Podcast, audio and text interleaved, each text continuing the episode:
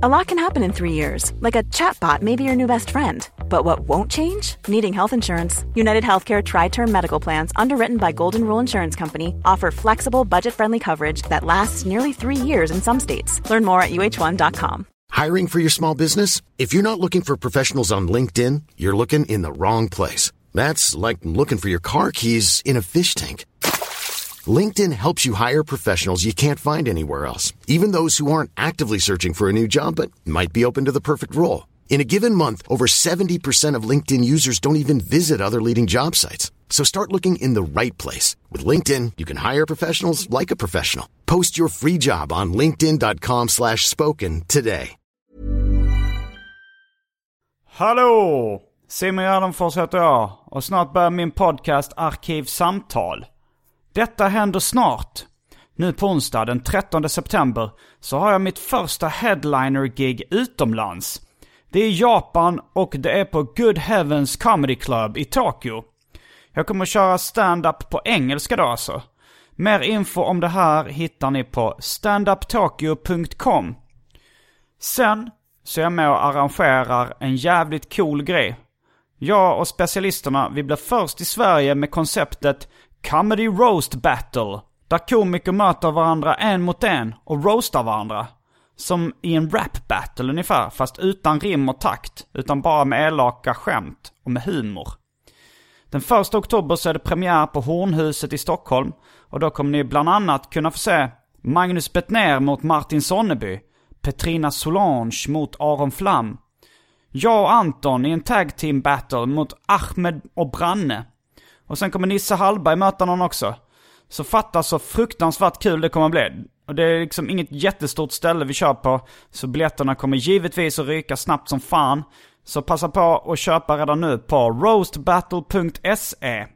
Biljetter finns också nu till min och Anton Magnussons gemensamma standup-turné i höst, Vesslan och Benne. Där biljetterna också börjar ta slut i vissa städer. Finns biljetter släppta till Göteborg, Jönköping, Helsingborg, Stockholm, Linköping, Kalmar, Kristianstad, Malmö och Växjö hittills. Och denna turné hittar ni biljetter på specialisterna.se, ny hemsida. Men nu är det mindre än tre veckor kvar till Arkivsamtals deadline. Ni märker jag har mycket grejer på gång och jag behöver ekonomisk hjälp för att kunna fortsätta med den här podden, för att kunna prioritera den också. Eh, men jag har en Patreon-sida och om jag når målet, Patreon-målet innan första oktober så fortsätter jag som vanligt med den här podden. Annars tar jag en paus och kör vidare ifall målet nås. Så vill ni ha er vanliga dos av Arkivsamtal varje vecka så gå in på patreon.com arkivsamtal och bidra med ett valfritt antal dollar per avsnitt. Vi är ganska nära målet nu och tack alla som blivit Patreons hittills. Jag uppskattar det som fan. Men om du är luspank så kanske du åtminstone kan följa mig på Instagram. Där heter jag atgardenfors. Men nu kommer Arkivsamtal. Mycket nöje.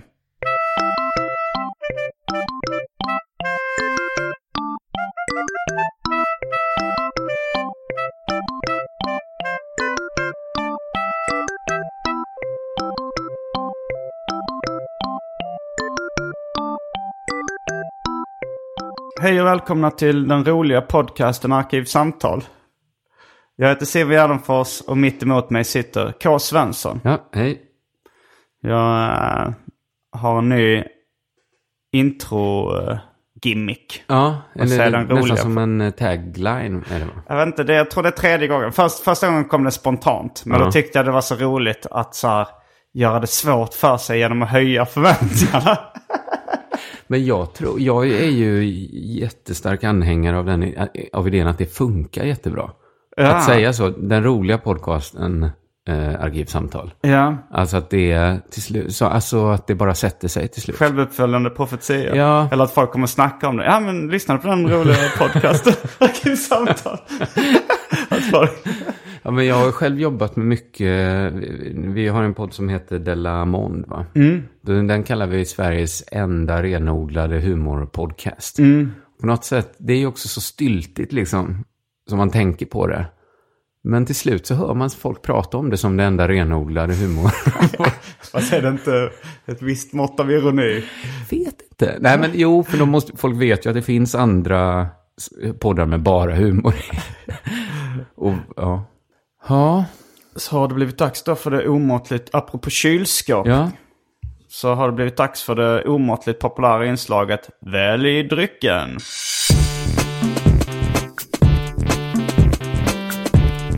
Jag tror vi börjar med det fasta inslaget Välj drycken. Jag kände att det var min mun som lät entus- entusiastisk, men inte min själ Nej, inte ditt ansikte på något sätt. Dina ögon sa liksom, det är inte dags för det här nu. Det är dags för dig att gå hem nu, Kristoffer.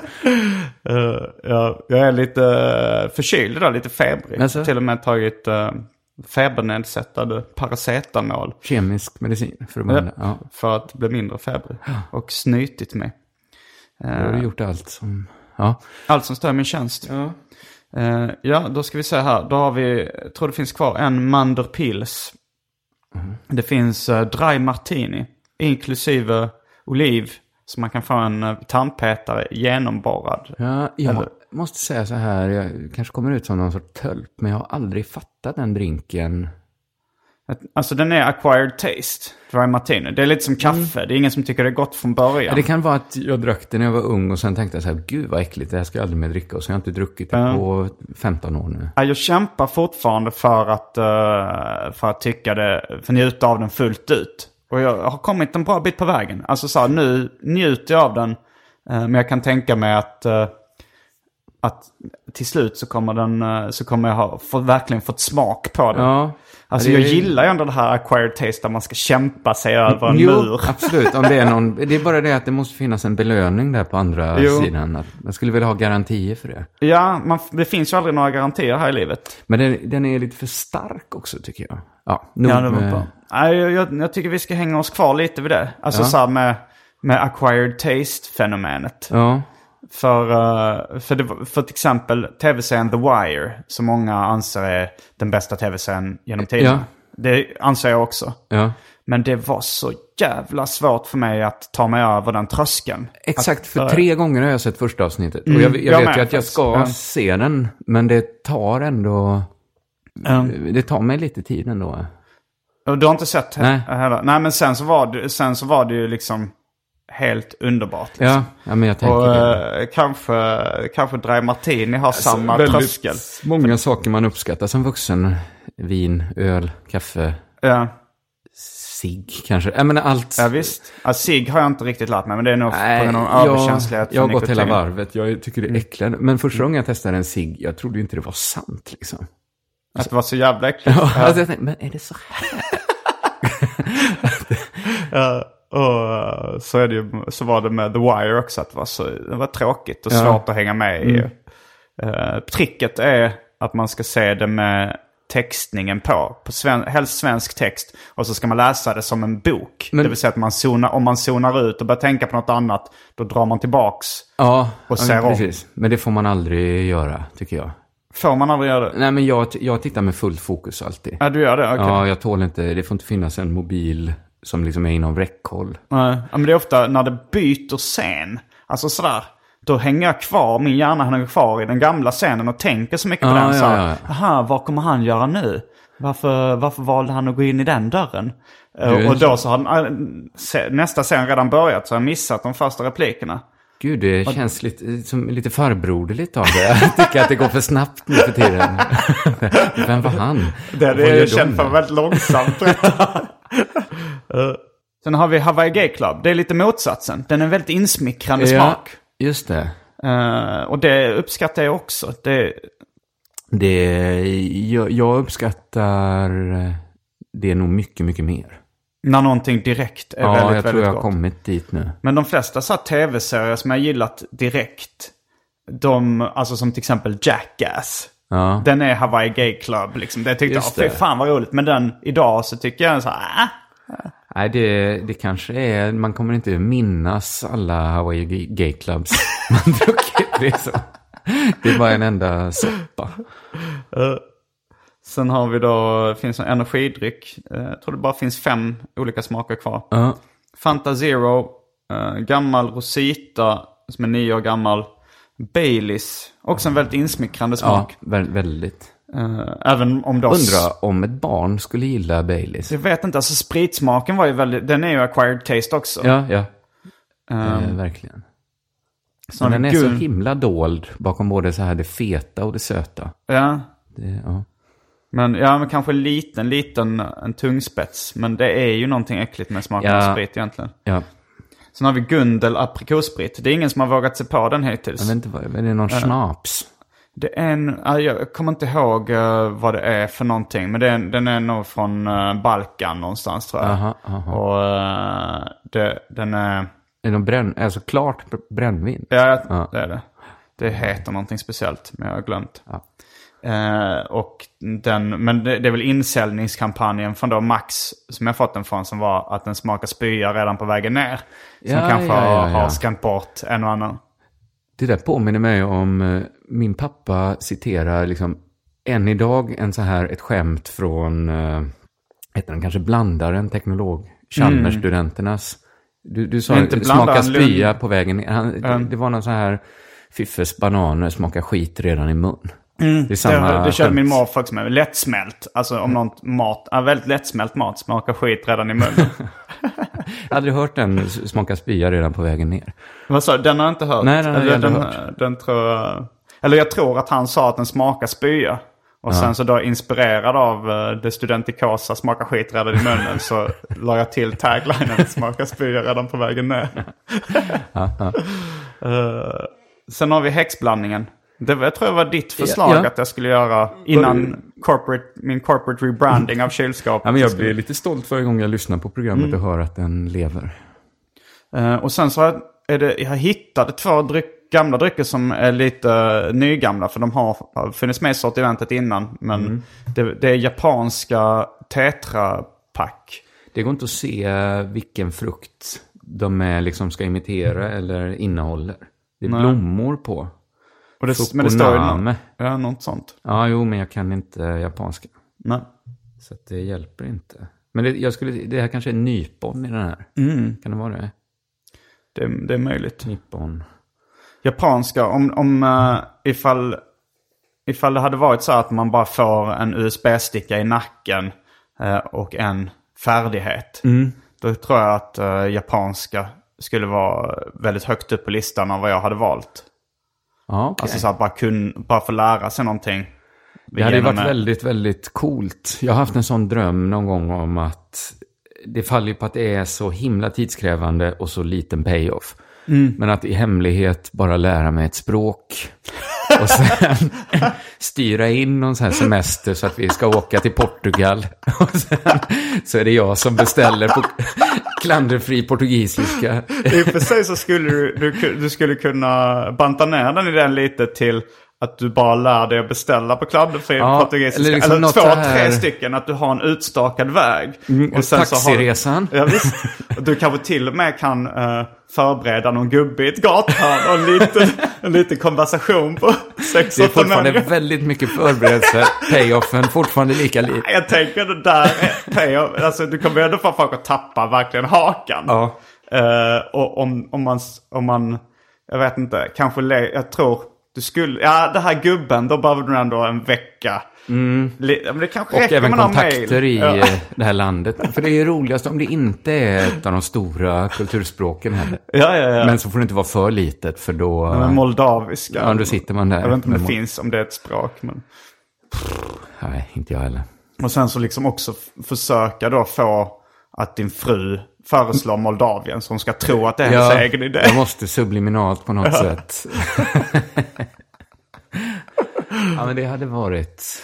Det hade varit så jävla fett. Ja, det är Men, frågan eh, är också om det, om det är liksom nog då för dig att ha din fru eh, och, och din dotter som kanske inte fortfarande, eh, ännu inte är Nej. gammal nog för att bli imponerad. Att man bara ska nog- imponera på en person. Jag skulle nog vilja ha med kanske lite släkt också. Ja, i och för sig, ens föräldrar. Ja. Och det är ju ganska liten risk att dina föräldrar lyssnar på Arkivsamtal dessutom. Och inte så liten risk. Ah, Min okej. pappa är en stor eh, poddlyssnare. Mm, Okej. Då har du ja, kanske bränt dina bror. Ja, det är just. Ja. Jag får ta någon annan familj då. Ja, eller något... ja, det kan, den idén känns som att den går utvidgat till andra saker. Ja, för jag, jag hade en det. idé med det eh, när jag var liten. För min, min syrra spelar piano. Ja. Och, och hon tragglar ju sig igenom massa olika grejer. Men jag hade tänkt att, eh, att jag då bara skulle lära mig någon ganska avancerad eh, Exakt melodi. Och så, så bara liksom, då, för, hur svårt kan det vara att lära sig introt till, eh, nu är Fyrelise för klichéartad, Ja, men ja. kanske Beethovens femma. Eller någonting. Ja, just det, den Alltså, skulle ju bara Och så kunna- liksom, och så kan man inte mer än så. Och bara, Ja, men exakt den tanken hade jag. Då, jag minns till och med att jag hade alltså att jag skulle sätta mig ner och så spela Imagine. För det var liksom den finaste låten jag kunde tänka mig. Och att det, folk skulle liksom dö omkring mig. Jag, det- jag tog det till och med så långt att jag skaffade, jag åkte, tvingade min pappa att åka till Frufälla utanför Borås och hämta en gammal skolorgel. Som jag sen eh, hade på mitt rum och aldrig någonsin spelade på. Så jag tog det en, en bit, men inte hela vägen då. Min pappa berättade att han eh, hade hittat en, eh, en orgel på då sin farmor och farfars vind, tror jag det var. Ja, Och, eh, och så skulle han lära sig spela på den. Och då sa han, han måste varit kanske fem sex år tror jag. Ja. Han, han kunde alfabetet. Ja. Så han började med att skriva alfabetet eh, A till Ö. Eller hur, jag vet inte hur långt man hinner på. Men du hinner ju igenom ett par oktaver i alla fall. Okej, eh, på då. På orgeln. Ja. Och sen så så skulle han börja spela då Björnen sover. B-J. Han tyckte det lät jättekonstigt. Nu fattar jag, han trodde man spelade. Spelade. ja, Han Okej. kunde. Han kanske måste varit, alltså han kunde ju både stava och sådär. Så att han, han kan inte varit jätteliten. Om han inte bara var... Han var jättesmart Ja. och jättedum samtidigt. för att det var ovanligt dumt för att vara så smart. Ja,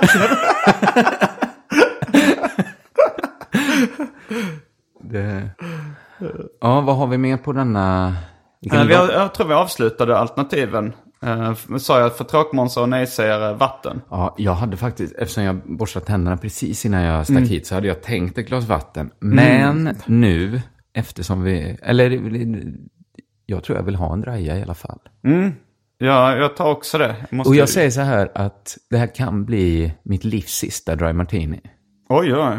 Om det Men inte det är gott. kan också bli Det kan vara första steget på en liksom jättelång början på en resa. underbar vänskap.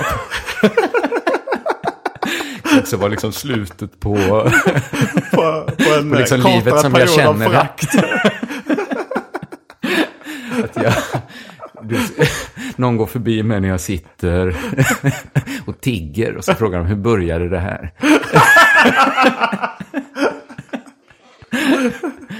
Jag trodde det skulle vara som med slutet av eh, Casablanca. Fast istället någon, någon, det är någon som du inte har känt speciellt länge och som inte tycker om dig speciellt mycket. Som säger, jag tror det här är slutet på en kortare period av förakt.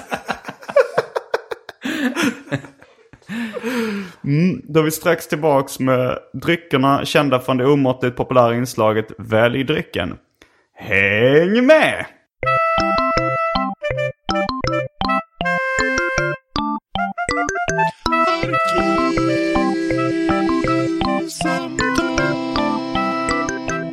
Då är vi tillbaks med varsin dry, citat, draja, slutcitat, martini.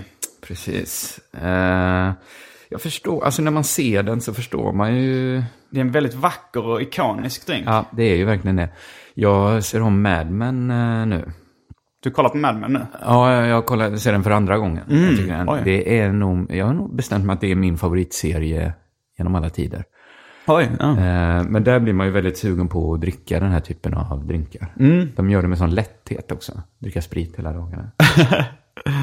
då, så, då testar vi det här. Då testar vi den. Ja, nu tog jag på din inrådan ganska mycket mer gin än uh, vermouth. jag tycker den blir mycket godare. Då. Alltså, det är ju klyschan i och för sig att man ska, bara, man ska ha så himla, himla lite eh, värme.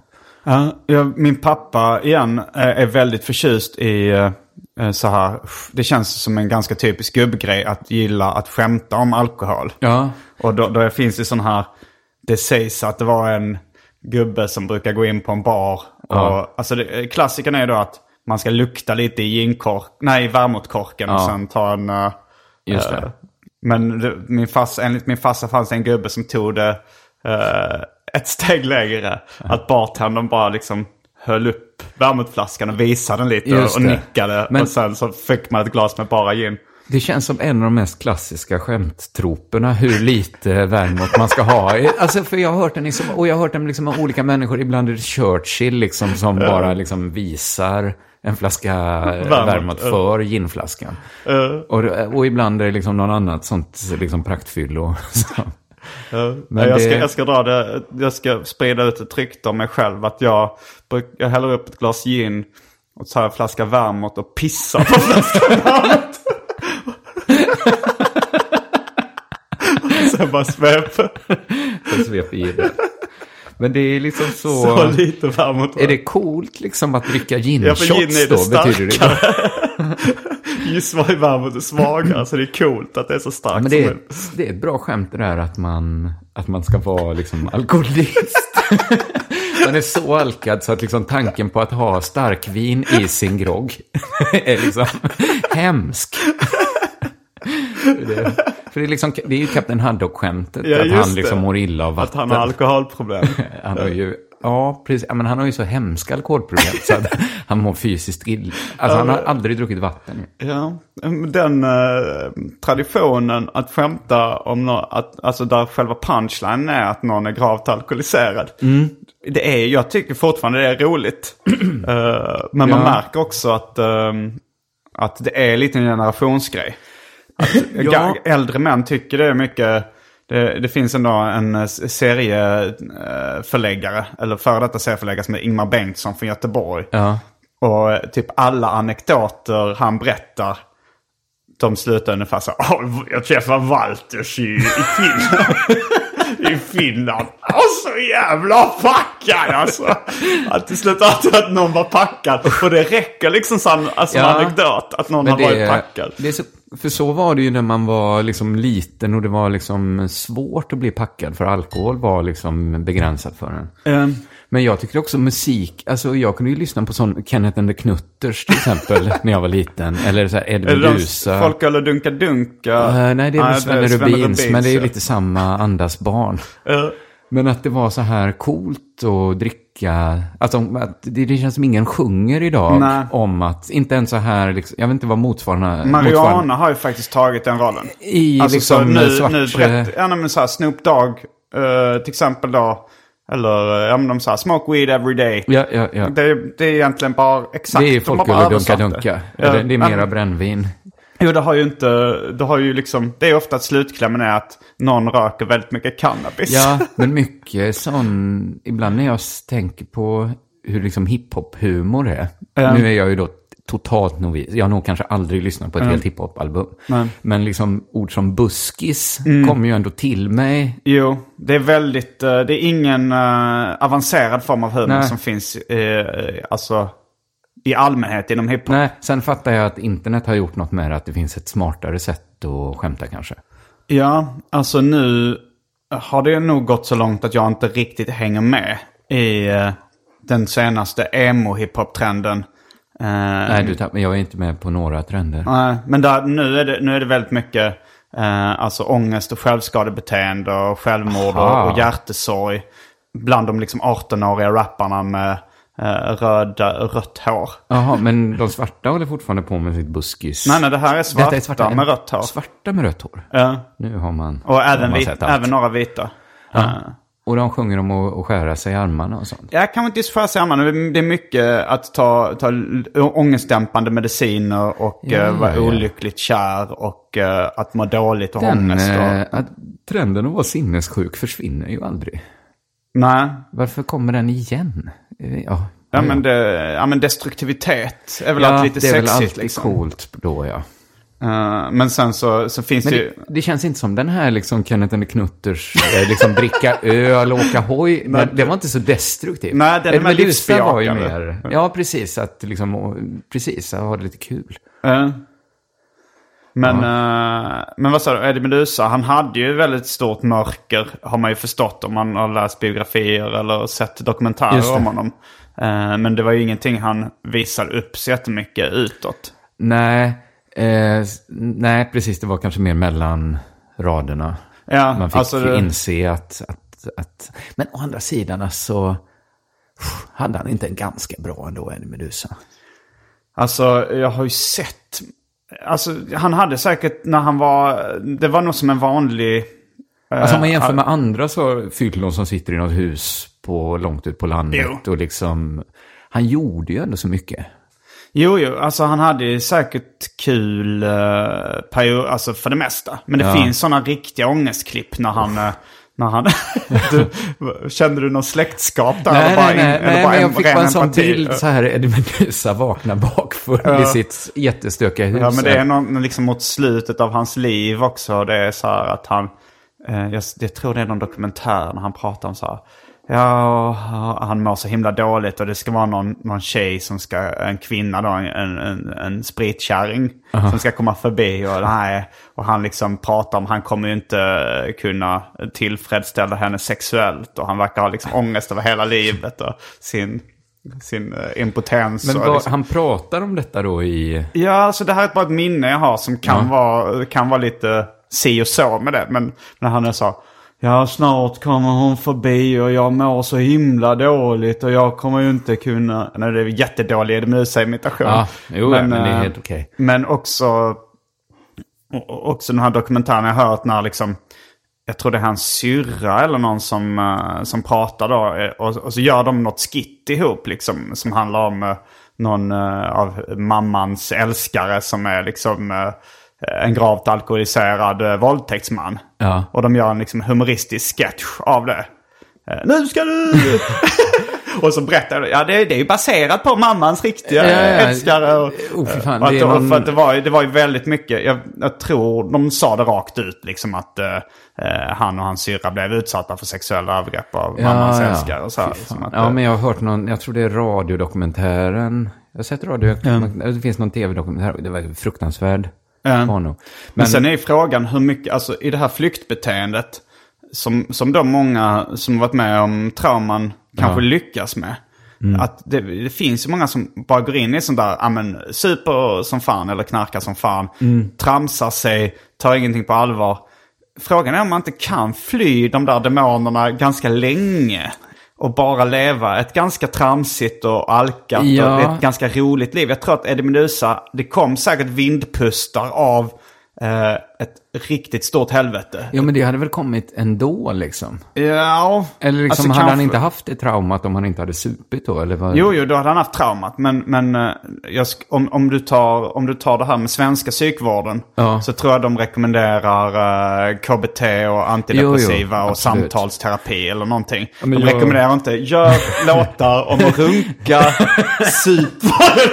Släpp det på kassettband, sälj på postorder, små annonser i obskyra magasin. Kanske är det det bästa sättet att, att handskas med det. Men... Men jag måste säga, Eddie, Med- alltså första gången jag hörde Ed Meduza, det var så jävla magiskt. Mm. Allt var, vi hade så här en eh, detektivklubb, jag och mina kompisar. Mm. Det var ju, jag vet inte om barn fortfarande har det, men Jo, det har de. Min, uh, min uh, brorsa har barn. Det var och det väldigt- stod en lapp på deras skylt där det stod dekarbyrå. Ja, men Ruben det och verkar vara liksom en naturlag då, Mm. som nu då, att sätter man några barn i ett rum så kommer de till slut starta en detektivbyrå. Aldrig någon annan sorts byrå.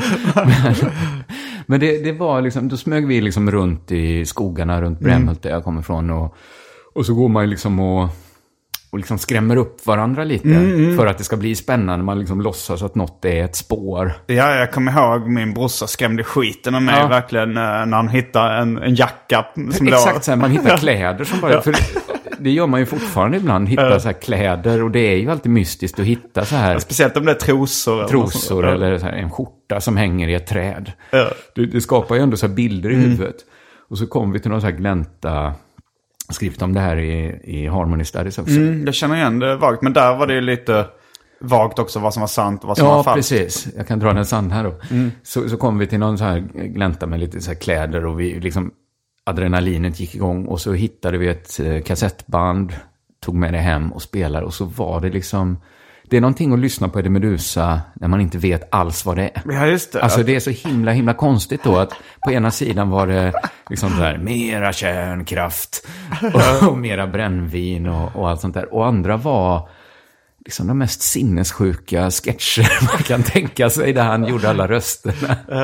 Och ja, det var ju liksom, det går ju aldrig att olyssna på det. Det var liksom som allt var förändrat. Det, det gick inte ens att fatta att man fick skämta Nej. på det sättet. Att Alltså man, första gången jag hörde det var liksom eh, via mun mot mun-metoden. Att då var det, alltså man hade ju vissa sådana här eh, friluftsdagar med, eh, med skolan. Ja. I låg och mellanstadiet så, så var det någon eh, i min klass som började sjunga då på, eh, fast det var en helt annan, jag tror inte det var den melodin som då Eddie Meduza har, men det var så, han sjöng så här, brännvin, Ja. mera brännvin, du du, kärnkraft, mera kärnkraft, du du. Och jag tyckte det var jättekul och började sjunga det också. Jag kommer ihåg hur vi hade en, en lärare då som var typiskt så här hippie, eh, FNL, liksom. Han blev, det var just kärnkraft han Det han, inte då bra. tyckte han, nej, alltså han ville verkligen inte att vi skulle fortsätta sjunga det. Och försökte då på bästa, mest pedagogiska sätt få oss att förklara att liksom varför vi inte skulle sjunga så. Men det är ju så himla kul Ja, med det, är ju, det är precis det, den effekten, den önskade effekten liksom. Men det, ja. Men jag tycker Hur liksom, går den egentligen? eh? Jag tror både kärnkraft och brännvin går exakt likadant. Det är samma, liksom. och vilken melodi? Mera kärnkraft. Det, nej, fan går Gammastrålningen är skön.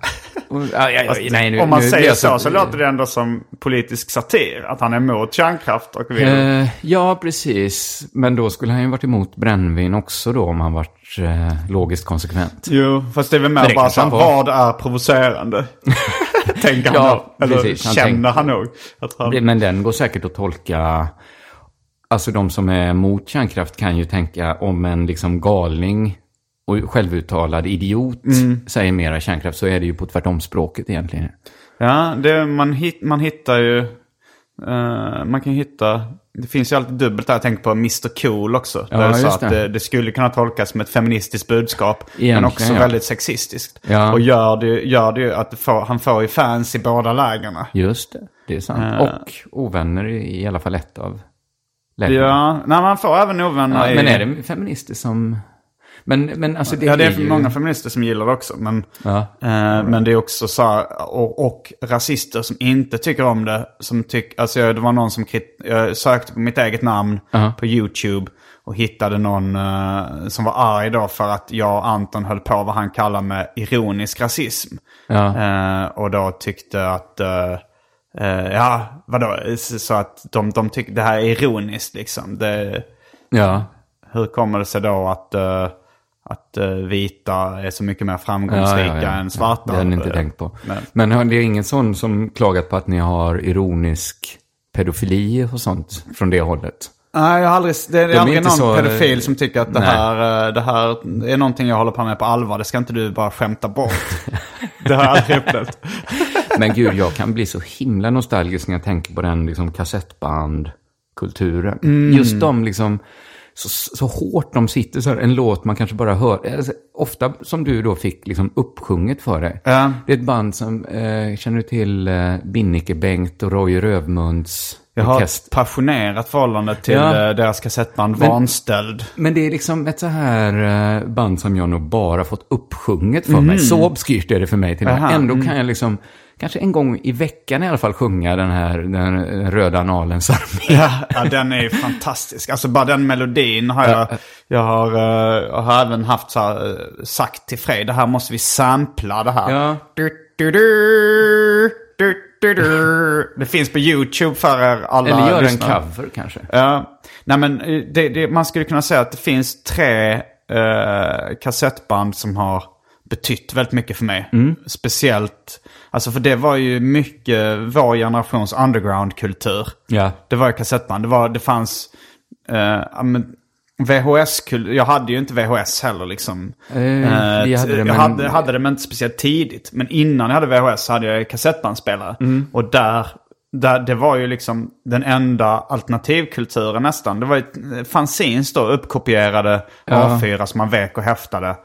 Och, eh, och kassettband som fanns, det var ju den alternativkulturen man kunde få. Som Ja. inte var distribuerat i Pressbyrån eller eh, på tv. Nej, precis. Och de tre kassettbanden, det var ju då dels eh, Binnike-Bengt och Roy Rövmuns Vanställd. Det har jag säkert, ja, jag måste lyssna på det över 200 gånger. Eh, och sen så var det eh, Fingerspexet. Det känner jag inte till. Men det låter ju väldigt bra. Det är faktiskt eh, eh, Johan Wester innan han blev känd. Jaha. Eh, som eh, spelade in ett kassettband. Jag, jag pratade med honom nu på Lund Comedy Festival som han är en av arrangörerna bakom. Eh, om det bandet. Eh, för jag känner inte till för han hade spelat in.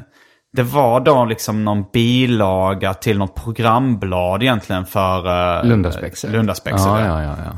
Fast så skulle han göra någon slags... eh, eh, eh, va, eh, något som kallas fingerspexet. Att man skulle liksom måla olika figurer på fingrarna och göra ett litet minispex med dem. Ja, ja. Men sen så eh, är det så att han eh, läste in det och tramsar sig, improviserar sig in i helvete. Och sen så lämnar han in det till någon som skulle klippa det. ja. Men den här personen valde att inte klippa det överhuvudtaget utan bara släppa alla tagningar. Så det är liksom kanske en timme långt eller 90 Ja, minuter ja, ja. långt. Eh, och det är, så, det är så absurdistiskt. Do you remember what it's like being in your 20s? I sometimes look back at that period of my life and laugh just as much as I cringe. If you do the same, then you've got to watch Queenie, the new original series on Hulu. Who is Queenie? Queenie is a 20 something year old living in London. She's facing all the firsts first major heartbreak, first shitty apartment and soul sucking job, first therapy session to work through those mommy issues. Can she turn her quarter life crisis into a revolution? Maybe. Will she make some questionable decisions along the way? Definitely. The new series Queenie is now streaming on Hulu.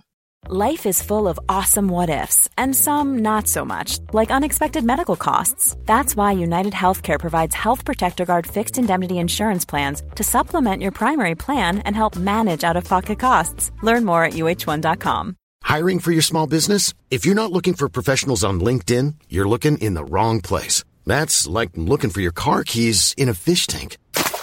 LinkedIn helps you hire professionals you can't find anywhere else, even those who aren't actively searching for a new job but might be open to the perfect role. In a given month, over 70% of LinkedIn users don't even visit other leading job sites. So start looking in the right place. With LinkedIn, you can hire professionals like a professional. Post your free job on linkedin.com slash spoken today. Ja, men jag, alltså jag, den, eh, jag har också kassettband som betyder mycket för mig. Till exempel, jag hade två av Jonas Gardells sommarprat inspelade. Kanske lyssnade då också minst 200 gånger på dem. Den här typen av liksom, och men så här ljud, alltså kanske en, så här spöket på Canterville. Oscar Wilde inläst av någon farbror. Alltså det, så jävla magiskt det var och att det är fan det man börjat jobba med sen. Ja, just Bara det. inläst Podd- poddar. text egentligen. Jag kör ju båda grejerna så här. Det här hade ju varit ett kassettband, det här samtalet vi har nu. Det här med fingerspex. Ja, men hade det vi spelar in idag varit liksom, det, hade jag haft det på ett kassettband Ja. så hade det kanske varit ett sånt jag lyssnat på 200 gånger. ja, förmodligen. Det är ju helt otroligt egentligen. Jag har Ja. inte tänkt på det. Nej, och, jag, och det, just den känslan av, för jag kommer ihåg när också även eh, den typen av liksom svensk hiphop jag började lyssna på. Eh, då var det ju mycket mobbade barn med automatvapen och Organism 12. Ja. Organism 12 släppte mycket kassetter då Ja. runt millennieskiftet. Och jag tänkte, och det var ju och man, det var mycket roliga rader som jag gick runt och så citerade. Ja. Och, eh, och, så, och så då började jag rätt mycket så här, jag hade väl rappat lite i gymnasiet innan. Men när jag hörde hans eh, så roliga one-liners och sådär och punchlines och, så, så tänk, började jag fantisera om att själv göra det.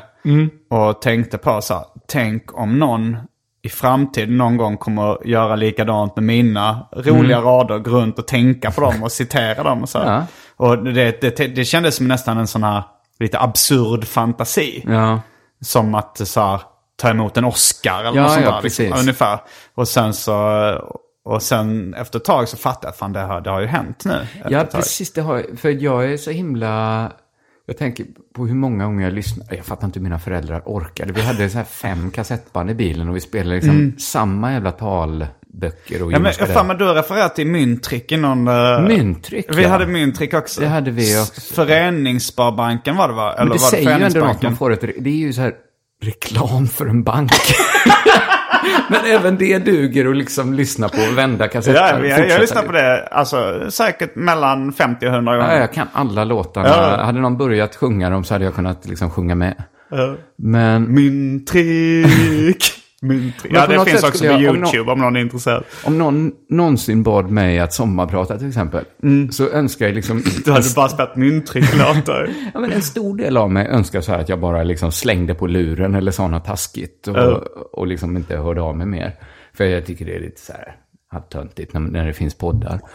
Men sen en liten del av mig skulle ändå känna så här, gud vad jag begår våld på mina barndomsfantasier. Att, att liksom, eh, vad, vad, gud vad jag drömde. Jag gick inte runt och, och citerade hiphop-texter, utan mer citerade långa delar ur Jonas Gardells sommarprat från 90-talet. Det, nej, jag hoppas, nej, jag ska ändå vara stark. Du ska vara stark och tacka nej. Ja. Det kommer heller inte hända, verkar det ju inte som. Alltså, jag hörde um, Peter Dokumentär nu om Annika Östberg. Eh, och att då de, jag vet inte om det var Oisin Cantwell eller någon som uttalade sig om att eh, liksom hur eh, hon blev behandlad i media. Och att Ja. det hade ganska mycket med att hon var kvinna att göra. Att det inte, alltså så en, eh, om alltså det hade inte varit lika, ifall någon hade Jackie blivit dömd. Arklöv Ja, hade in. Arklöv som man pratar inte lika Nej. inte lika liksom, socialt accepterat. Men jag tänker, du har ju inte uh, varken varit anklagad eller dömd för något Nej, lika nej. grovt brott som Annika Östberg. nej, precis. Minuskontot är nog lugnt. Det är nog mer pluskontot liksom. Jag har inte gjort så mycket. Vad har Annika Östberg gjort för bra då? Nej, nej, men hon har väl en spännande historia då. Ja. Men jag har faktiskt sett lite så kritik att Morgonpasset tog upp en spontan applåd när hon kom in. i- här, Hanna Hellquist och de andra genierna sitter så här. Och nu, wow! Kommer Gäst ända från USA. Där de har suttit i fängelse för att ha skjutit en polis. Ja, men det, ja, men det, det är nog inte så... Man, man tänker kanske ändå... Sen finns ju också så här Clark Olofsson och Ja, sådana. som har pratat. Nej, men jag vet inte det. Men som ändå blir lite medias älsklingar lite mer. Jo, alltså Han har Paolo Roberto har ju ändå eh, grovt misshandlat väldigt, väldigt många. Ja, precis. Men jag tycker hela tiden man ser... eh, Men det, är så, ja, det finns ju mycket hyckleri i det. För Alltså- det hade det varit, alltså så här, om han har misshandlat en, en kille som är lika svag som en tjej. Så är det ingen som höjer på ögonbrynen. Ja, men... men- hade det varit en, en brud han har misshandlat eller, eller om det hade funnits något, något litet sexuellt inslag i hans våld. Men jag tycker det, det faktiskt finns en konstig sak att vi gör skillnad på att säga saker och göra saker till liksom göra sakers favör. Om vi talar om dåliga saker. Nu Jag måste ska du uttrycka mig mindre. Ja. kryptiskt. Ja, men jag såg till exempel nu att eh, han, eh, min, eh, min vän Hanin, som bor i Malmö, hängde ut eh, Berang Miri för, eh, på Facebook. För Mm, jag att- läste också det inlägget. för att vara liksom ett eh, allmänt liksom sexistiskt as och sånt där. Mm. Och jag tycker hela tiden man, man vet så här, vissa på tidningar jobbar det olika människor. Man vet så här, ja han har misshandlat sin tjej, han har försökt våldta den här kvinnan, han har lyckats våldta den här kvinnan. Mm. Folk som gör saker åker nästan aldrig dit på samma sätt som de, om jag då säger, med de menar mig, som bara säger saker. Just det. Att, att det, det är konst, det är en liten disharmoni i hur drev och sånt funkar. Mm. Att göra saker är inte lika illa som att säga saker. Nej just det, både du och Mr Cool har ju bara sagt saker Ja, och fått rätt feta drev mot det. Medan Exakt. folk som... eh, Folk som liksom våldtagit en kvinna när de varit höga på kokain jobbar Mm. liksom glatt kvar på Aftonbladet. och det är liksom ingen fara alls. Han Nej. gjorde det bara. Han Men det sa kanske- inte att det var bra. Det, eh, äh, vet du, PR-strategen Paul Ronge, Ja. eh, det, kanske, det är kanske en allmän uppfattning när han uttalar sig i tidningen Resumé efter eh, jag och Frej då eh, skämtade om att vi hade dödat ett barn Mm. i Kambodja. Den inställningen kanske är rådande. För han skrev då att att skämta om det här är lika illa som att döda ett barn på riktigt. Ja, ja men det är ju det är mycket att han är helt dum i huvudet. Ja, men för det här ryktesvägen att han har ångrat att han har, alltså han har ångrat att han uh, har sagt han det. sa så, ja. Eh, för Ja. jag tror att uh, han fattar nog inte vilken genomslag poddar har sagt. Att jag Nej. är håna, nu, nu har det ju säkert gått flera år sedan jag började håna honom i poddar. och jag har nu han- sänkt hans varumärke, hans aktier har nu, har nu chocksänkts ganska Men rejält. undrar om han har liksom egna barn på Långe och tycker att det vore lika illa om någon skämtar om att döda dem.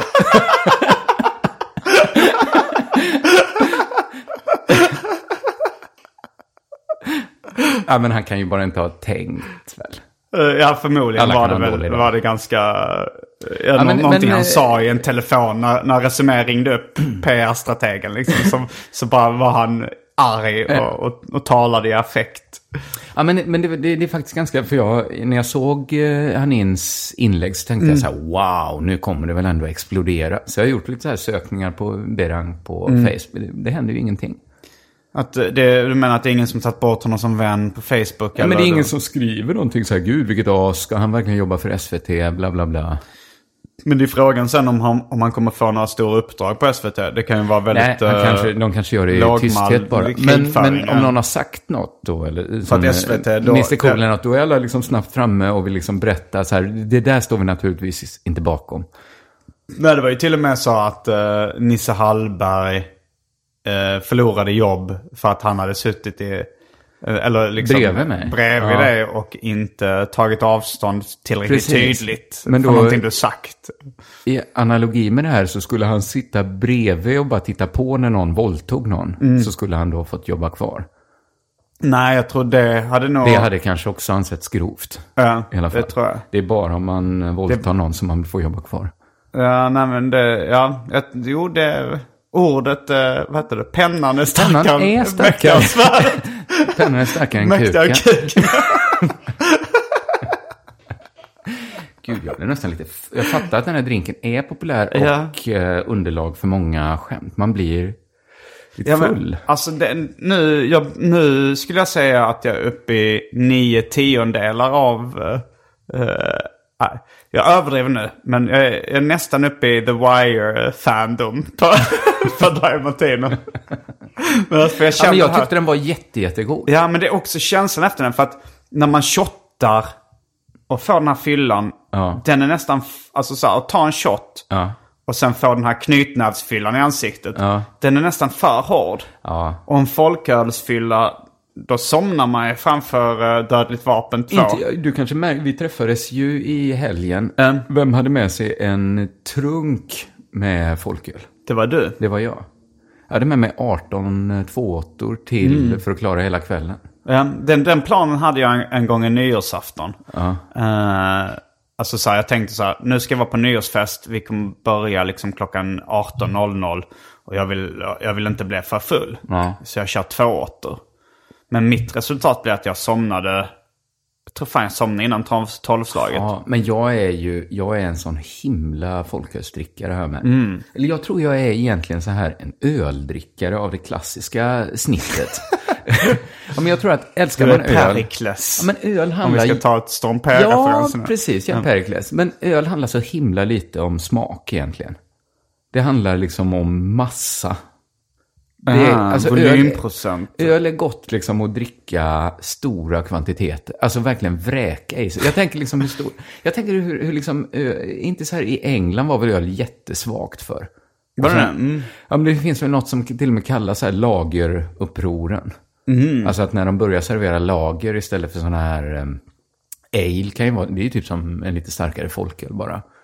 Och så börjar de servera riktig lager. Mm. Så lager är starkare än ale då? Ja, precis. I alla fall den alen de drack i England. Men Mm. då liksom, det såg ut som när Finland hade, eh, de släppte alkoholen fri på något sätt.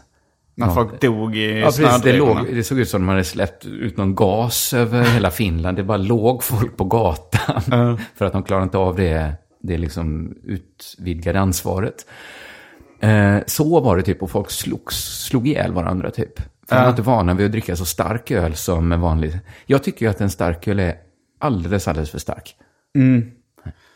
Vad, gjorde du något speciellt i det? Du antydde innan att du gjorde något speciellt i ditt hus. Att du ville prata lite om det. Jag vet inte, ja, jag sa att vi lika gärna kunde prata om det i podden som eh, medan vi eh, blandade dry martinis. Ja, men jag åkte ut, jag har ju då ett hus som står eh, tomt egentligen mitt på skånska landsbygden. Väldigt, eh, det ligger väldigt vackert till måste jag säga. Det, det är liksom, eh, det är ju inte Österlen och det är inte nära någon storstad. Det är liksom bara mitt ute i liksom... Vad heter närmaste ort? Eller? Närmast ort heter Linderöd. Och Okej. därifrån får man promenera i 20 minuter in i skogen typ. Så kommer man till en liten, pytteliten by. Eh, och där står ett hus som jag eh, bodde i liksom periodvis när jag bodde i Malmö. Men nu står det tomt och så har jag tänkt så här att jag vill inte sälja det. Vad kostar det? Du, du äger det, men kostar det någonting att ha det? Ja, det kostar man får betala el till exempel. Och eh, att de ska komma och tömma avloppen och sopor och sånt. Det kanske kostar en tusen spänn i månaden. Okej. Så att jag funderar på att stänga av mer saker. Liksom, så att, Men det, det, då, då liksom går ju huset sönder. Det är väldigt övervuxet och gammalt. Liksom. Rätt snuskigt. det är mycket så här påbörjade projekt. Jag har rivit en vägg och börjat bygga en. Men sen så, det är liksom bara en halv vägg. Så att det är ju liksom mer ett vindskydd nästan. Men så har jag liksom, jag flyttade till Stockholm då för två år sedan ungefär. Och då, hade, då flyttade jag upp med bara en ryggsäck på mig. Och det säger sig självt att det var inte, det var inte alla saker jag samlat ihop mig på mitt 35-åriga liv. Liksom. Så att Hade du dem i det snuskiga huset? de står i det snuska huset. Liksom. eh, och så tänkte jag att nu, nu ska det få stå där, liksom, det ska få förfalla några år och liksom gotta till sig lite. Men så har jag liksom haft den här molande känslan att jag kan inte liksom låta allting bara stå där. Det finns ju liksom privata saker, det finns saker man inte vill att vem som helst ska liksom bryta sig in och komma över på något sätt.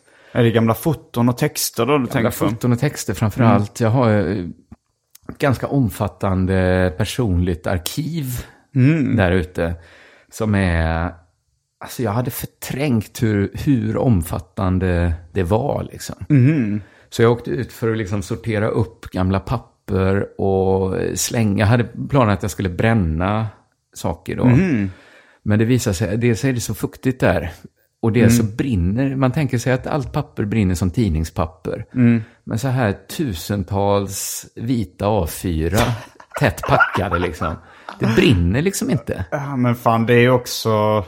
Man vill ju att det ska komma någon Max Brodd och när du har dött och ge ut dem. men nu kommer det lyckligtvis inte det. För att nu... Du har lyckats bränna upp det. Men alltså det var en så hisnande upplevelse. Det var, alltså, det var perm efter perm, helt så här fullsmockad. Man öppnade en perm, det var bara så här två uppslag, handskrifter, ja, liksom kollegieblock efter kollegieblock. Det var utskrifter, det, det var, alltså, det var sådana mängder. Det var, det var en hel liksom, eh, låda full med bara anteckningsblock. De hade jag inte mage, eh, alltså jag hade inte hjärta att slänga dem. Vad hade du hjärta att slänga? Pärmarna. Pärmarna med, med utskrivna romanförsök och Ja, noveller. och framförallt liksom handskrivna romaner, hur långa som helst. Det tog liksom, och Men varför vill du inte att de de ska finnas kvar? för att... Ja, men det är också det liksom att helt plötsligt mitt upp i allt kommer ett jättepinsamt dagboksinlägg eller så här en dikt jag skrivit eller något sånt där. Ja, men det kanske är intressant. Både för dig själv och för, för eh, alltså så här, om man läser en gammal biografi eller något sånt så vill man ju ha eh, Precis, men jag hela tror skiten. att nu var, alltså det var så mycket, alltså det var så, alltså det var så, alltså det var, jag skojar inte, det var liksom travar efter travar. Det var liksom för mycket för att bli intressant. Alltså ingen hade någonsin, man skulle behöva ha mig som ett så fruktansvärt specialintresse. Men jag tror nog att eh, alltså så här, de som är totala Aspis-nördar, Ja, de längtar efter ett sånt projekt. ja. Jag läste, får de jag inte läste, det har du läst någon bok av uh, Fredrik Sjöberg? Vet du om det är? Är det han som skrivit Flugfällan? Mm, han som skrivit ja, Flugfällan. den har jag läst. För han, eh, han eh, liksom försökte då länge, han, han har skrivit någon bok om någon svensk akvarellmålare som åkte Ja. till USA och, och Hans metod verkar vara att liksom smala ner så mycket så att man kan ta allt. Ja, Alltså Flugfällan handlar ju då om att han försöker hitta alla arter av blomflugor på en viss ö i någon viss del av Sverige va? Ja, det Du- tror jag det. Då är man ju nere på en väldigt liksom, smal nivå. Men då Men kan jag- man ju ta allt. Men jag för mig också när han hittar den här akvarellmålaren att skriva om. Han Ja. gör en biografi då. Eh, alltså det, hans, det, det, delvis är det en biografi av den här akvarellmålaren. Men ungefär hälften av boken handlar ju då om Fredrik Sjöbergs sökande. Och liksom det är ganska självbiografiskt också från Ja, författarens det. synvinkel. Eh, men där minns jag att han hade länge letat efter någon akvarellmålare att skriva om. Men Ja, alla ja. var tagna. Och, det så, här, och till slut så hittade han den här då som, han, som inte var tagen. Men eh, att, att jag kan tänka mig att ifall det då kommer någon som, eh, liksom, som har samma eh, sorts hjärna som Fredrik Sjöberg och vill skriva om eh, 00-talskomiker. Ja, då... Och sen så är det så att då kommer ju säkert någon, jag tror att K. Svensson kommer någon ta ganska snabbt. Det är ganska så här, finns mycket att skriva om. Ja, just det. Och, och det här, att hitta det här huset med alla de här pärmarna som, som inte var brända då. Det hade ju, det, det, de hade ju kommit ofrivilligt i byxorna liksom. Jo, precis. Men nu gör de inte det längre. För Nej. nu, jag tror jag kastade liksom, jag vet inte hur man ska uppskatta, men säg två kubikmeter papper. Då, Jag tycker ju det är synd. Ja, men rätt mycket var ju, jag skulle säga rätt mycket var totalt ointressant. Så här gamla företagspapper och fakturor och sånt där. Som, Ja, som Det kanske kan vara, det är det, men om de kan Ibland är det ju gräva i sånt en när viss de grej. När de, eh, rensar igenom gamla romarriket så är det ofta så här eh, handlingslistor och så. Eller det så kan jag vara oväntade grejer som blir Ja, intressanta precis. också. Men, eh, men jag har inget behov av att någon ska gå igenom den skiten heller. Nej, det är ju väldigt dubbelt det där. För att när man själv är död. Så, eh, alltså nu som levande så är det ju så är det lite äggande fantasi för mig. Att någon skulle gå igenom allting och skriva Ja. den här stora biografin eller göra en dokumentärfilm. Men det är klart att man inte kan uppskatta det när man är död. Nej, precis. Nej, det, var, det var lite sinnesfrid faktiskt. Mm. Att bli av. Men det, var- det var faktiskt det var en helt sinnessjuk jävla upplevelse. Och det var så mycket jag hade glömt bort. Det var Man liksom... måste ju ändå, alltså, var från bara, bara du berättar slut. om det här så inser man ju så här hur mycket hårt arbete som ligger bakom eh, den skickligheten som, som folk liksom uppskattar idag. Ja, precis. Det var också det bisarra att nästan var jag en... Jag har då jobbat ett år nu med något som jag har upplevt som eh, liksom det... Något helt nytt som jag har sysslat med då, Harmony Studies. Liksom. Det, det är 13 avsnitt. Det, det sista avsnittet kom ut idag faktiskt då, när vi spelar in det här. Det är en Men- podd som finns i alla poddappar. Ja. Eller du, söker på bibliotek. Bibliotek. Mm. får man gå in på, på Soundcloud till exempel. Eh, eller i poddappar. Men det var, det var, alltså, det var så bisarrt att se liksom, nästan vad jag än slog upp i det här egna då, privat. Det, det är också lite parod, liksom, intressant att det, det kretsar väldigt mycket kring ett arkiv som hittas i ett övergivet liksom, hus. Och så jag... jävla, vilka många nivåer då. Att det, du, ditt hus är ett arkiv. Det var väldigt bisarrt att hitta det här liksom e egna arkivet. Och, och nästan var jag än slog upp i det så fanns det liksom utkast där jag kunde se så här, ja just det, men det här har jag ju ändå använt till Harmony Studies. Slog upp med så här, "Jaha, här, här har jag skrivit den här historien om schimpansen som, eller gorillan som tar livet av sig. Och så såg jag liksom dateringarna, åh gud vad länge sedan det är. Och så hittade jag liksom fem år senare någon annan anteckning, samma historia skriven på ett nytt sätt. Mm. Hade du glömt då eller har du bara skrivit om det? Alltså, jag tycker det är svårt när man tänker på, om man tänker på liksom efter 2000-talet så, alltså det är så många år som bara är samman, det är som en stor massa bara tycker jag. Alltså man vet inte, vad hände 2005, vad hände 2007, det går inte att säga längre. Men jag känner också så för att jag tycker att både, ja men, eh, ma, eh, om jag tittar tillbaka så har liksom 80-talet har absolut en identitet. Jag kan Ja. se, och n- 90-talet i viss mån och, och 60 och 70-talet absolut. Men sen så, sen är det som du säger, det flyter ihop. Allting efter millennieskiftet är en gröt i min hjärna. Jag fattar inte hur de... Jag börjar tro på de som säger så här att om du minns 60-talet så var du inte med. ja, men de som har så knivskarpa liksom, minnen av alltihop. Eller så var det enklare att binda upp tiden då. Att man min- ja, men det var då Beatles precis släppte Rubber Soul, så det kommer jag ihåg att då... Det det släpptes så mycket mindre grejer. Ja, alltså allt mindre grejer blev ju... Det blev ju en mer monokultur på den tiden. Ja, för jag kan ju fortfarande minnas här, just det, då släppte The Strokes sin eh, första skiva. Då gjorde jag det här. Och, men det är nog sist, när inte det finns längre, då är det, det är fan att man inte har något... Det är som när man försöker tänka på svensk historia, att man, om man kan regentlängderna så har man mycket lättare att bara orientera Ja, sig. man kopplar under Precis, man behöver Karl liksom Gust- någonting, ja, men två- den Gustavs tid höll jag på att säga. Precis, 2000-talet har ju inte riktigt fått något sånt, Nej. tänker jag. Jag minns, nej, jag började med Facebook kanske 2006. I och eller för något sånt. sig, man kanske, man kanske det är MySpace-eran, Facebook-eran. och Alltså, det blir så mer, ja. Kanske. Men, eh, men jag minns det för när jag gick i högstadiet och vi liksom hade historia. Ja. Och jag kände så här, eh, fan jag har ju ingen koll på det här. För det är omöjligt att få en överblick av världens historia. Ja. Men jag kände mig så dålig på det liksom. Att det var så här, vad är, alltså när jag kan. För det, det var liksom, man kunde pyttelite om någonting och jag kände mig verkligen sämst på historia. Men sen kom jag ihåg att jag fick en femma. Jag blev så chockad då. För det var så, jag kan ju ingenting av det Nej. här. Men det var väl att jag... De andra kunde absolut Nej ingenting. men jag var kanske lite intresserad ändå. För så, tänkte så här, det här, det här Ja, men- vill jag lära mig av men jag har ingen koll. Nej. Ja, men det är väl så, ju mer man vet, desto mer vet man att man, förstår man att man inte vet. Ja, just det är det, väl ja. klassiskt liksom. Att bara att du tänkte den tanken betyder att du kunde mer eh, än eh, 90 procent av dina klasskompisar i alla fall. Ja, nej, jag känner fortfarande så med historia. Att jag har extremt dålig koll. Ja, men det är, alltså, det är, tänker man på så här langobarderna så bara får man ju panik. Ja, det liksom kan vara man- första gången jag hörde det. ja, men att man inte kan placera det, att det kan diffa på liksom tusen år. Ja. 500 år i alla fall, var man placerar dem. Men jag tror att du och jag ligger kanske ändå i den översta procenten. Kanske, det, det är vi- möjligt. Det är så svårt att ha koll på Sveriges befolkning, vad de kan och... Ja, men jag tror nästan alltid... Jag läste en bok om eh, hjärnan. Där det stod så här att man undrar ofta liksom var man befinner sig på normalfördelningsspektrat. Liksom. Men bara att du läser den här boken, stod lite självgott av den författaren att skriva. Det innebär ju att statistiskt så är du i den översta, kanske 2,5 procenten.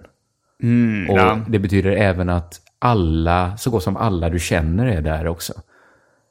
Alltså, alltså om man tänker på liksom alla jävla män. Det räcker ju bara att kolla vad som finns på tv liksom. Så känner man...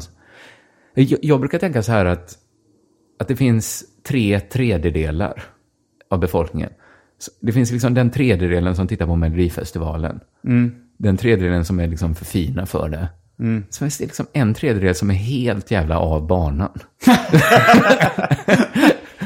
Det är en ganska stor del av befolkningen som är helt jävla av banan. Ja, men det tror jag du- faktiskt. Men jag du- tror liksom att... Av banan på vilket sätt? Ja, men ibland när man säger så här att någon är liksom smartare än medlet så tänker jag så här. Jag, jag, jag såg någon så här artikel som delade så här att det sägs ofta att liksom politiker är så dumma i huvudet men här har vi siffror på att de flesta ligger över medel. Ehm, Så tänkte jag så här, men fattar ni hur lågt medel ligger? ehm, Alltså fattar ni? Alltså det är all, jag skulle tippa, nej, jag vet att alla som lyssnar på den här podden är över medel. ja, ifall de inte sitter i en bil med Ja, men bara att veta att en podd finns tror jag betyder att du är över medel. Ja, kanske Det- det. alltså, Ja, medel är ett väldigt lågt att lite. stötta. Veta att en podd finns. Nej, men jag tror nästan Nej, att... Ja, det kan faktiskt vara så. Mm. Att bara du lyssnar på en podd så är, har du bevisat att du är... Det betyder alltså hur dumt det än är med poddar liksom. Det är bara killar som sitter och pratar och bla bla bla. Men bara sitta och palla lyssna på när två för ett samtal i en timme. Jag tror det är tillräckligt krävande för att hälften av befolkningen bara absolut inte. Ja, Då blir de som när du tittar på The Wire. De hänger inte Ja. med. Jag känner lite att, att du för som äh, lite Hitler-retorik här. Att du Eh, Jag tycker inte man ska slå ihjäl de som inte Nej, kan lyssna på podd. Det, det, det, det kommer kanske vara ett senare steg i din propaganda. Ja, ja, men att du lite försöker få dem som, liksom, som är på din sida att se, se sig som bättre än andra människor. Nej, jag tycker bara att nej, jag tycker man, man får aldrig skryta om att man är över medel. För medel är så himla mycket lägre än vad vi föreställer oss. Ja, men om man tror att man kan lite historia så kan man jättemycket historia, tror jag. Ja, kanske. Jag, Jag fick en, eh, det var nog, nej, det var igår morse. Jag vaknade och, eh, och hos min mamma. Och, jag, och jag var på Bortamatch. väldigt gott humör för det har varit med om mycket skoj. Ja. Eh, och då så sa hon så här, ja du håller på med det här och det här, men du hänger ju inte med i vad som händer i världen. Nej. Och så, och så sa jag, "Nähä, vad tänker du på nu? Eh, är det så här Ryssland och eh, alltså Putin och Trump eller är det att Nordkorea har provsprängt uh, över Japan? Eller vad är det du tycker är värst nu? Och där började min mamma höja rösten och blev lite aggressiv. Så här, bara, du, bara, för att du, bara genom att ställa den frågan att du inte vet vad det är som är värst just nu. Det bevisar hur lite insatt du är. Att du räknade upp många saker. Men hon sa, för då var det ju då Nordkorea som var det stora. Ja, ja. Och hon, blev, hon var arg på mig. För Att du inte visste det. Men Men jag, jag, kände verkligen- till det. Ja, men, jag var men du kunde jag, inte hon sa värdera här, det Hon så. sa att, eh, men hon sa, först så sa hon att, men världen är en värre situation nu än någonsin. Det är så här jag minns det. Jaha. Och sen sa jag, nej men är det inte sånt som man alltid tror, men att det ligger ungefär på samma nivå hela tiden? Ja, precis. Så sa hon, nej, eh, här experter. Vet du mer än experterna som uttalar sig? Experterna säger att den här situationen är det värsta som hänt sedan kalla kriget.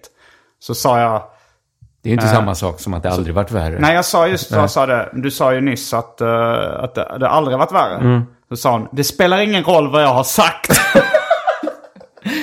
Och sen så följde det ett mindre bråk då, där hon var väldigt arg på mig. Och hon tyckte att hon, hon kommer ju inte ens ihåg då vad, eh, vad eh, Nordkoreas eh, president eller ledare. Nej. Jag har svårt att komma ihåg det också. Kim Jong-Il. Jung. Il. Il. Eller Kanske. Kim Jong-Un tror jag han heter. Unner, ja. Men, men jag sa ju så här, men du, kommer, du, är inte, du, du ligger på en nivå, du är kanske lite mer insatt än jag. Eh, Och jag ligger på en, en strax nivå under och sen finns det många som är ännu, kan ännu mindre än jag. Ja. Jag förstår inte riktigt varför du blir arg på mig nu för att jag ligger strax under det insatt i.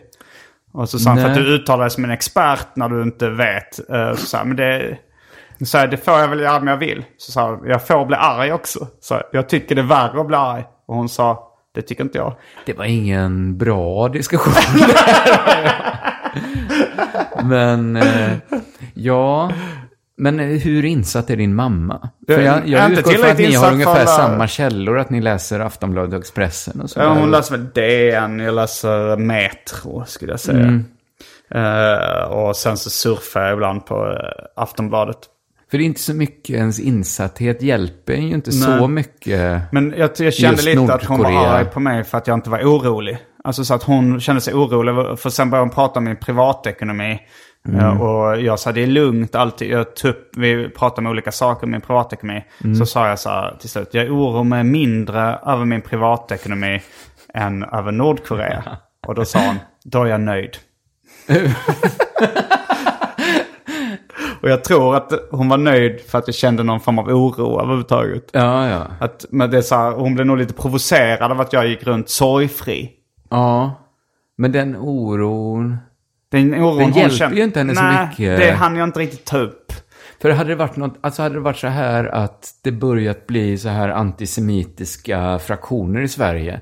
Så att judar i Sverige måste liksom kanske vara på sin vakt. Kanske det på. tror jag, om du frågar min mamma så är det så. Ja, men då kan man förstå så här att då kanske man ska hålla koll. Men det är så, för då kan man påverka sitt eget öde. Genom att gömma alltså- sig på vinden då eller? Ja, eller fly till något land där de har det bättre. Eller vad, vad, vad som helst liksom. Mm. Men just det här att gå runt och oroa sig för att eh, Kim Jong-Il Ung ska bomba Philadelphia eller inte. Eller vad han nu ska bomba. Ja, nej, det, Eller, nej, säkert något på, på, på andra kusten. Men det hjälper väl fan ingen. nej, det gör det inte. Men, eh, men jag, jag har märkt ganska många, alltså... Man har ett eh, ansvar att vara orolig. Ja, det är väldigt, en av de mest provocerande sakerna jag har sagt på, i ett rum med kompisar och bekanta var att jag inte hade några problem. Ja. Det var, det var ett tillfälle jag kände att jag inte hade några problem. Och Nej. det folk började koka av ilska.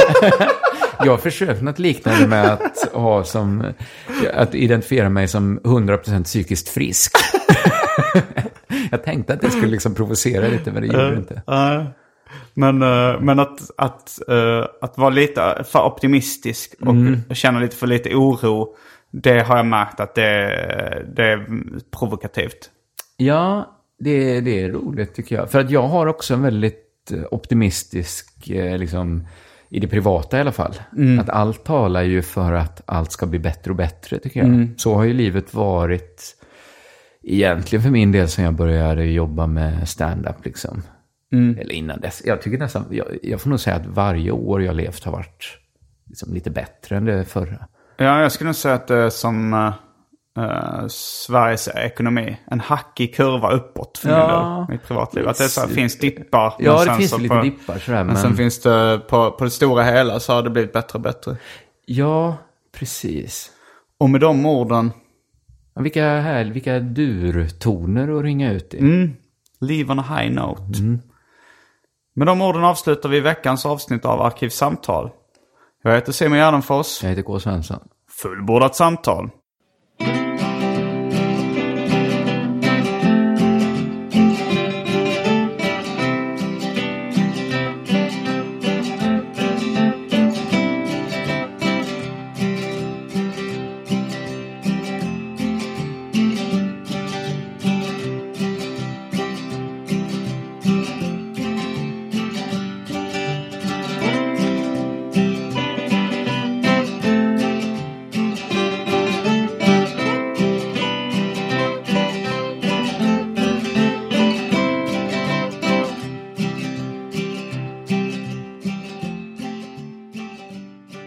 Tack till min klippare Marcus Blomgren som under namnet Marcus Brumgren driver Sveriges minst uppskattade Instagramkonto.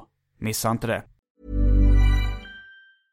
Imagine the softest sheets you've ever felt. Now imagine them getting even softer over time. That's what you'll feel with Bowl and Branch's organic cotton sheets. In a recent customer survey, 96% replied that Bowl and Branch sheets get softer with every wash. Start getting your best night's sleep in these sheets that get softer and softer for years to come. Try their sheets with a 30-night guarantee. Plus, get 15% off your first order at bowlandbranch.com. Code BUTTERY. Exclusions apply. See site for details.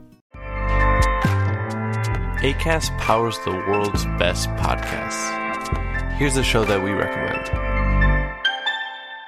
The Real Housewives is a guilty pleasure for most, but if you're looking to not feel guilty about that pleasure, tune in to Everything Iconic with me, Danny Pellegrino, where I break down all the messy moments and behind the scenes antics of Bravo's popular franchise. And on Everything Iconic, I also interview celebrity guests like Kelly Ripa, Kiki Palmer, Drew Barrymore, Cameron Diaz, and more about their guilty pleasures, their past work, and so much more. So if you're pop culture obsessed and find yourself watching way too much reality TV like me, tune in to Everything Iconic with Danny Pellegrino wherever you listen to podcasts. ACAST helps creators launch, grow, and monetize their podcasts everywhere. ACAST.com.